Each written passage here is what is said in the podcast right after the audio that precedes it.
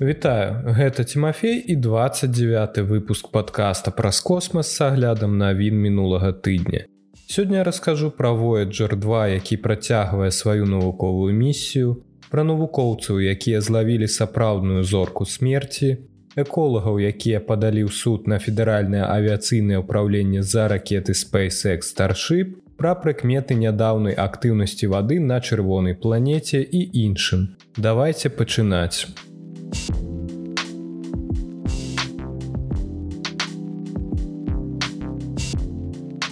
Касмічны карабель NASA Voyager 2 падаўжае сваю міжзоркавую навуковую місію яшчэ на тры гады. Працяглая місія NASA Voyager 2 адкладае адключэнне прыбораў на тры гады да 2026 года дзякуючы тэхнічнаму подвігу інжынераў. Гэтыя змены дазволяць місіі, запущенай аж у 1977 годзе, сабраць каштоўныя навуковыя дадзеныя ў глыбокім космосе. Такім чынам Voyager 2 і яго блязнюк Voyager 1 працягнуць збіраць каштоўныя дадзеныя ў глыбокім космосе аб магнітным поле сонца, энергіі сонечнага ветра, які зыходзіць ад нашага сонца і радыёвыпраменьвання ў міжзоркавай прасторы. Абодва вояджеры сілкуюцца ад ядзернай энергіі, бо сонечныя прымяні занадта слабыя для сонечнай энергіі ў глыбокім космосе. Радыоізатопныя тэрмаэлектрычныя генератары, якія яны выкарыстоўваюць часам распадаюцца. А гэта азначае, што плутоній вырабляе крыху менш энергіі кожны год. Інжынеры ўжо адключілі абагравальнікі нараўне з іншымі сістэмамі, каб зарабіць навуку прыярытэтам для надзейнага касмічнага карабля. Але магутнасць зараз настолькі нізкая, што сёлета прыйшлося прымаць непростыя рашэнні для пяці навуковых інструментаў Voyager 2. У Voyager 1 працуе толькі 4 з-за збою аднаго прыбора ў пачатку яго тэрміна службы. Таму до 2024 года у яго хопіць магутнасці для ўсіх яго прыбораў. Рашэнне праблемы з электрасілкаваннем Voyager 2 зводзілася да адключэння абароны, якая выкарыстоўвалася для прадухілення скокаў напругі і пашкоджання прыбораў касмічнага карабля. Замест таго, каб рэзерваваць гэтую магчымасць, місія зараз будзе выкарыстоўваць яе для падтрымання працы навуковых інструментаў. Гаворыцца ў заяве прадстаўнікоў NASAа. Гэтае рашэнне аслабіць рэгуляванне напругі на касмічным караблі, Але абодва вояджеры маюць адносна стабільныя ўзроўні магутнасці, зводзячы да мінімум запатрабавання ў сістэме бяспекі. Інжынеры будуць сачыць за поспехам гэтай стратэгіі на вояджеры 2. Калі ўсё спрацуе, вояджер 1 будзе выкарыстоўваць тую ж тэхніку, паколькі ў наступным годзе ў яго пачне заканчвацца энергія, заявілі прадстаўнікі NASAа. Яны адзначаюць, што на працягу некалькіх тыдняў на Voyager 2 з-за новай працэдурай усё працавала добра. Зменная напруга ўяўляе небяспеку для інструментаў, але мы вызначылі, што гэта невялікая рызыка, а альтэрнатыва прапануе вялікую ўзнагароду за магчымасць даўжэй трымаць навуковыя інструменты ўключанымі, сказала Сюзана Дот, кіраўнік проекта Voyager. Чакалася, што абодва вояджеры пратрымаюцца ў космосе ўсяго чатыры гады і збяруць навуковыя дадзеныя аб сонечнай сістэме на Юпітары і Сатурні. Падаўжэнне місіі ў 1981 годзе дазволіла Voyagerу 2 у канчатковым выніку праляцець міма урана і Нептуна. Voyager 1 знаходзіўся высока над плоскасцю сонечнай сістэмы пасля пралёта Сатурна але касмічны карабель сабраў каштоўныя сонечныя дадзеныя для сваёй траекторыі пасля пашырэння місіі. Яшчэ адно пашырэнне місіі ў 1990 годзе было накіравана на тое, каб вывесці вояджеры ў міжзоркавую прастору. Voyager 1 перасёк гэты рэгіён у 2012 годзе, а больш павольны Voyager 2 дасягнуў мяжы ў 2018 годзе.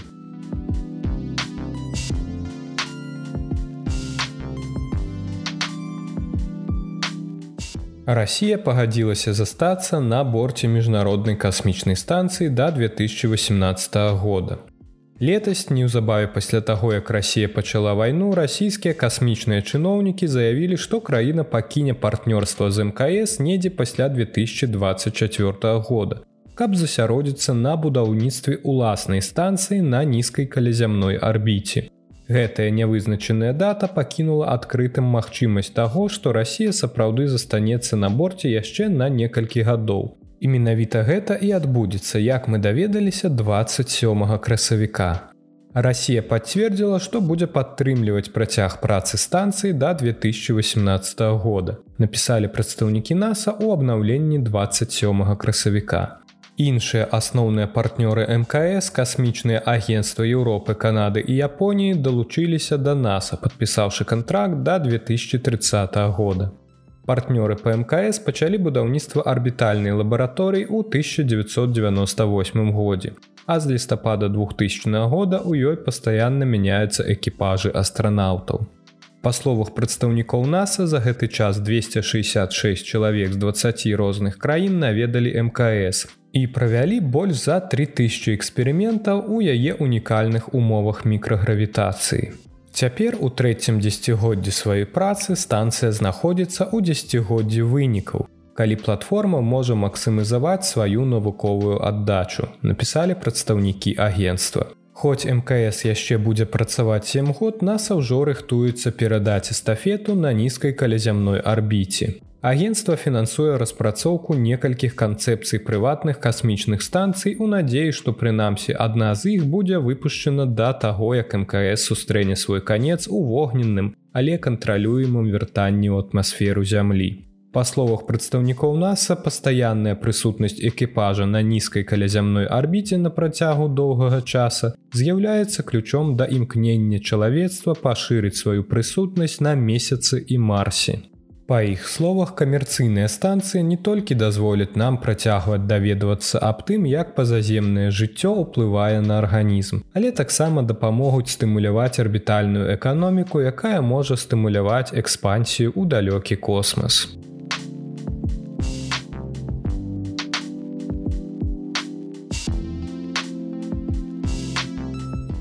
Навукоўцы злавілі сапраўдную зорку смерці, якая пажырае планету. Гэта першае ў сваім родзе адкрыццё. Дзеянне на адлегласці 12 тысячаў светлавых гадоў можа паказаць тое, што адбудзецца зямлёй прыкладна праз 5 мільярдаў гадоў. Новае даследаванне паказала, што астраномы, магчыма, упершыню сталі сведкамі таго, як сонцападобная зорка пажырае планету праліваючы святло на лёс, які спасцігне зямлю прыкладна праз 5 мільярдаў гадоў, калі наша сонца, якое памірае, раздуецца, каб праглынуць наш свет. Аналізуючы незлічоную колькасць зорак на розных этапах іх эвалюцыі, астраномы выявілі, што памеры таго, як наша сонца і зоркі падобныя яму набліжаюцца да канца свайго жыцця, яны пачынаюць губляць сваю асноўную крыніцу паліва вадарод паблізу сваіх ядраў. Это прыводзіць да таго, што ядры сціскаюцца і іх вонкавыя абалонкі пашыраюцца і астужаюцца. Падчас гэтай фазы чырвоных гігантаў гэтыя зоркі могуць раздзімацца 10 ад 100 да 1000 разоў боль свайго першапачатковага дыаметра, праглынаючы планеты, змешчаныя на блізкай арбіце. Мы ведаем, што гэта павінна адбыцца з усімі планетамі, якія круцяцца на адлегласці меншай, чым адлегласць ад зямлі. Але было палічана вельмі складаным даць эксперыментальныя доказы гэтага. Кажа вядучы аўтар даследавання кішалайдэ астрафізік з масачусацкага тэхналагічнага інстытута. На працягу дзегоддзяў навукоўцы выявілі сведчанне існавання зорак непасрэдна перад і неўзабаве пасля акта паглынання планет. Аднак да гэтага часу даследчыкам не ўдавалася злавіць зорку на месцы злачынства. У новым даследаванні навукоўцы здзейснілі прарыў пасля вывучэння ўспышкі радыяцыі, якая атрымала назву ZTF SLRN 2020, якая адбылася ў 2020 годзе ў дыску млечнага шляху на адлегласці каля 12 тысяч светлавых гадоў, недалёка ад сузор'я арла. Падчас мерапрыемства зорка за тыдзень стала больш яркай у 100 разоў. Першапачатковае адкрыццё было зроблена шляхам аналізу дадзеных сабраных паламарскай абсерваторыі каліфарнійскага тэхнічнага інстытута. Абсерваторыя скануе неба ў пошуках зорак, якія хутка мяняюць яркасць, што можа быць звязана з такімі падзеямі як новыя зоркі. Каб даведацца больш аб ZTF SLRN 2020 навукоўцы прааналізавалі спектр святла ад яркай успышкі. Халодны газ ад такіх успышак часта ўзнікае ў выніку зліцця зорак. Навукоўцы выявілі, што кароткая ўспышка бачнага святла ад зоркі суправаджалася незвычайна яркімі светлавымі сігналамі ў блізкім інфачырвоным дыяпазоне, якія павольна знікалі на працягу 6 месяцаў. Апошняя частка галаваломкі ўзнікла, калі даследчыкі вывучылі дадзеныя сабраныя інфачырвоным касмічным тэлескопам NASAа New Вайс. Гэта сведчыць аб тым, што агульная колькасць энергіі вызваленай зоркі з моманта яе першапачатковага выбуху была на здзіўленне малым. Прыкладна ў тысячную велічыню любога зорнага зліцця, якое назіралася ў мінулым. Гэта азначае, што ўсё, што злілося з зоркай, павінна быць у тысячу разоў менш, чым любая іншая зорка, якую мы бачылі, сказаў кішалайдэ ў сваёй заяве. І гэта шчаслівае супадзенне, што маса Юпітера складае прыкладна одну тысячную маса сонца. Менавіта тады мы зразумелі, што гэта была планета, якая ўрэзалася ў сваю зорку. Гэтае адкрыццё выклікае шмат пытанняў. Ці перажыла планета сустрэчу, ці ўступіла планета ў кантакт зорнай паверхняй з-за натуральнага пашырэння зоркі, ці нешта дало ёй вельмі лёгкі штуршок, каб наблізіцца да зоркі. Усе гэтыя пытанні стануць яснымі, калі мы атрымаем больш дадзеных аб гэтым аб'екце і знойдзем больш падобных падзей у будучыні. Тым больш, што інфачырвоныя даследаванні стануць усё больш распаўсюджанымі ў наступным дзегоддзі.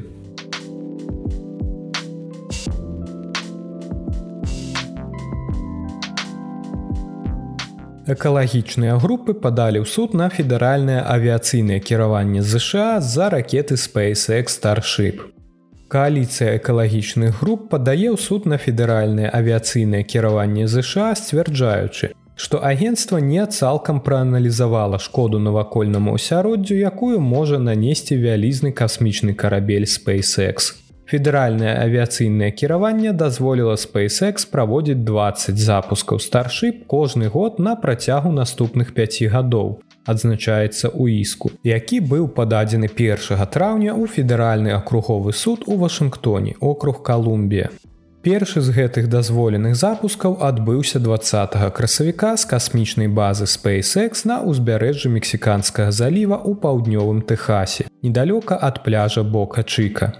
Зоркалёт вышынёй 120 метраў гэта самая вялікая і магутная ракета з калі-небудзь створаных. Старшып першапачаткова добра паказаў сябе ў выпрабавальным палёце і змог дасягнуць максімальнай вышыні ў 39 кіламетраў.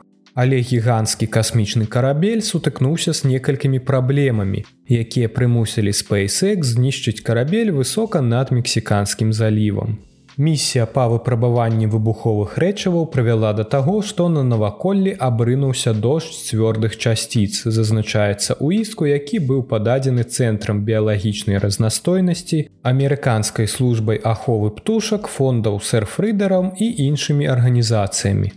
Стартавая пляцоўка SpaceX у бок Ачыка акружаная дзяржаўнымі паркамі, землямі нацыянальнага запаведніка дзікай прыроды і важным асяроддзем пасялення, якія знаходзяцца пад пагрозай знікнення дзікіх жывёл, у тым ліку трубчатых жытняў, паўночных сокалаў апламада, марскіх чарапах. Гаворыцца ў паведамленні цэнтра біялагічнай разнастойнасці. Запускі ракет і выбухі наносяць значную шкоду з-за павелічэння трафіку транспартных сродкаў і моцнай спякоты, шуму і светлавога забруджвання ў выніку будаўнічых і пускавых работ. Дадала некамерцыйная арганізацыя з арызоны. Выбухі ракет раскідалі абломкі па навакольным асяроддзі і выклікалі лясныя пажары. На дадзены момант федэральнае авіяцыйнае кіраванне ЗША расследуе інцыдэнт з запускам SpaceX. Паводле іску праца SpaceX на Starbase таксама ўплывае на людзей у гэтым раёне. Напрыклад, пляж Бокачыка з'яўляецца грамадскім, але дазвол федэральнага авіяцыйнага кіравання дазваляе SpaceX зачыняць доступ да яго на тэрмін да 800 гадзін у год. Такое закрыццё стварае цяжкасці для карэнных жыхароў карыза камікруда, што ўплывае на іх здольнасць праводзіць цырымоніі ў гэтым раёне, гаворыцца ў заяве. Свяшчэнныя землі народа карыза камікруда зноў апынуліся пад пагрозай за імперыялістычнай палітыкі, якая разглядае нашу культурную спадчыну як меншую каштоўнасць, чым карпаратыўныя інтарэсы, заявіў кіраўнік племя карыза камікруда ў Тэхасе. У іску утрымліваецца заклік да федэральнага авіяцыйнага кіравання правесці поўную экалагічную праверку дзейнасці SpaceX Starship у паўднёвым Тэхасе. Раней агенцтва патрабавала ад SpaceX выканання больш за 75 змякчальных дзеянняў, але не патрабавала больш строгай заявы аб удзеянні на навакольнае асяроддзе.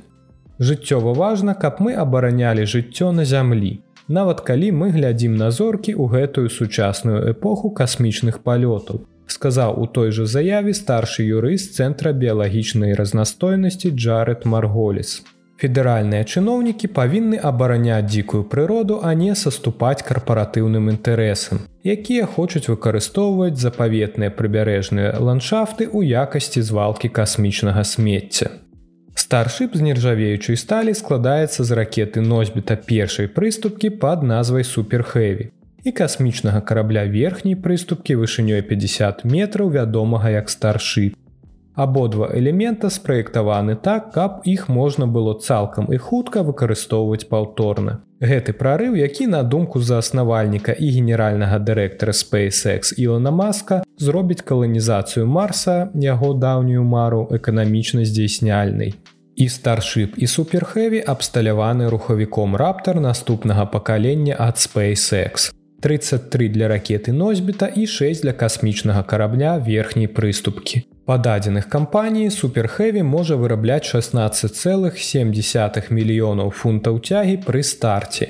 Амаль у два разы больш, чым мегаракета NASA Space Launch System. Самая магутная ракета, якая калі-небудзь выконвала паспяховую касмічную місію выпрабавальны палёт 20 красавіка нанёс значную шкоду арбітальнай стартавай усталёўцы зорнай базы.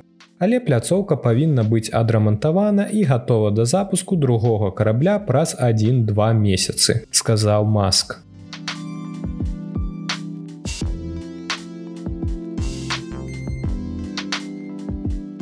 Кітайскі марсаход Жронг выявіў прыкметы нядаўнай актыўнасці вады на чырвонай планеце. Навукоўцы, якія вывучаюць дадзеныя кітайскага марсахода, упершыню выявілі пласты з раскольнымі на малюсенькіх марсіянскіх выдмах. Што азначае, што чырвоная планета яшчэ 400 тысячаў гадоў назад была багатай салёным водным асяроддзям.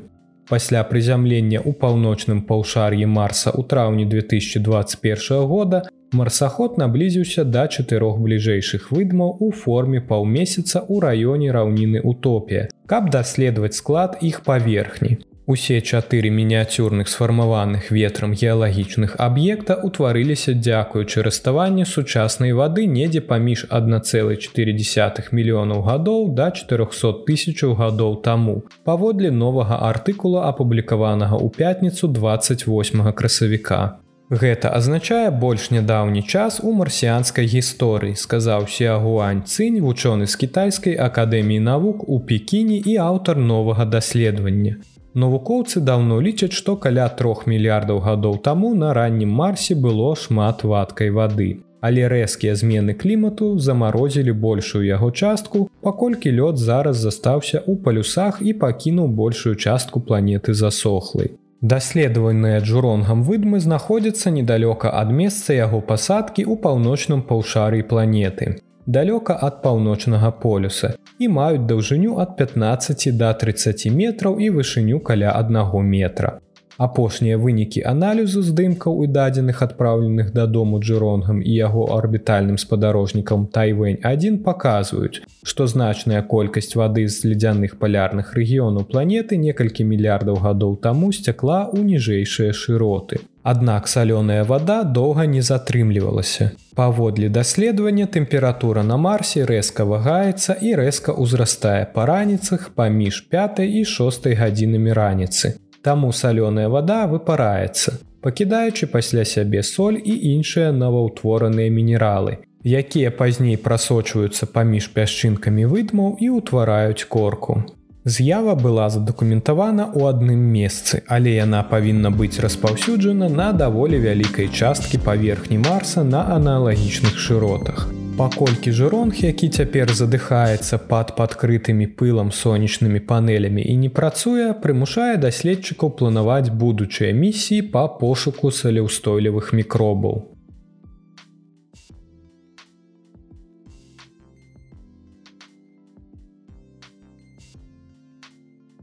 Гэта ўсе навіны, пра якія я хацеў расказаць вам у выпуску. Цяпер пагаворым аб падзеях наступнага тыдня.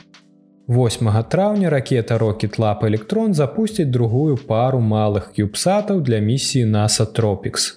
Місія назірання за структурай ападкаў і інтэнсіўнасці штармоў Тропікс будзе выміраць умовы навакольнага асяроддзя і ўнутраныя умовы для трапічных цыклонаў.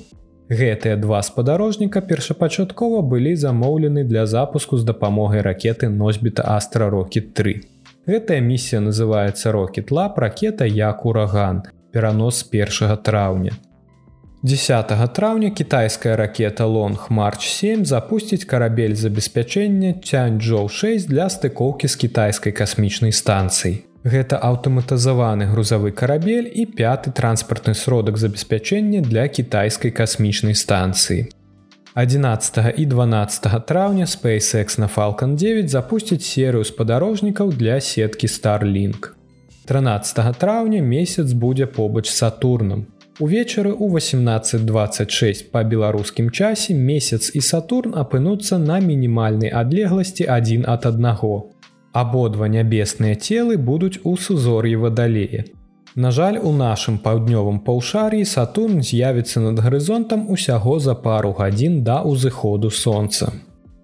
Дзякуй, што даслухалі да канца. Я хачу выказаць вялікую падзяку патрыонам за падтрымку майго падкаста. Вы заўсёды можете далучыцца. Да пабачэння пачуемся на наступным тыдні.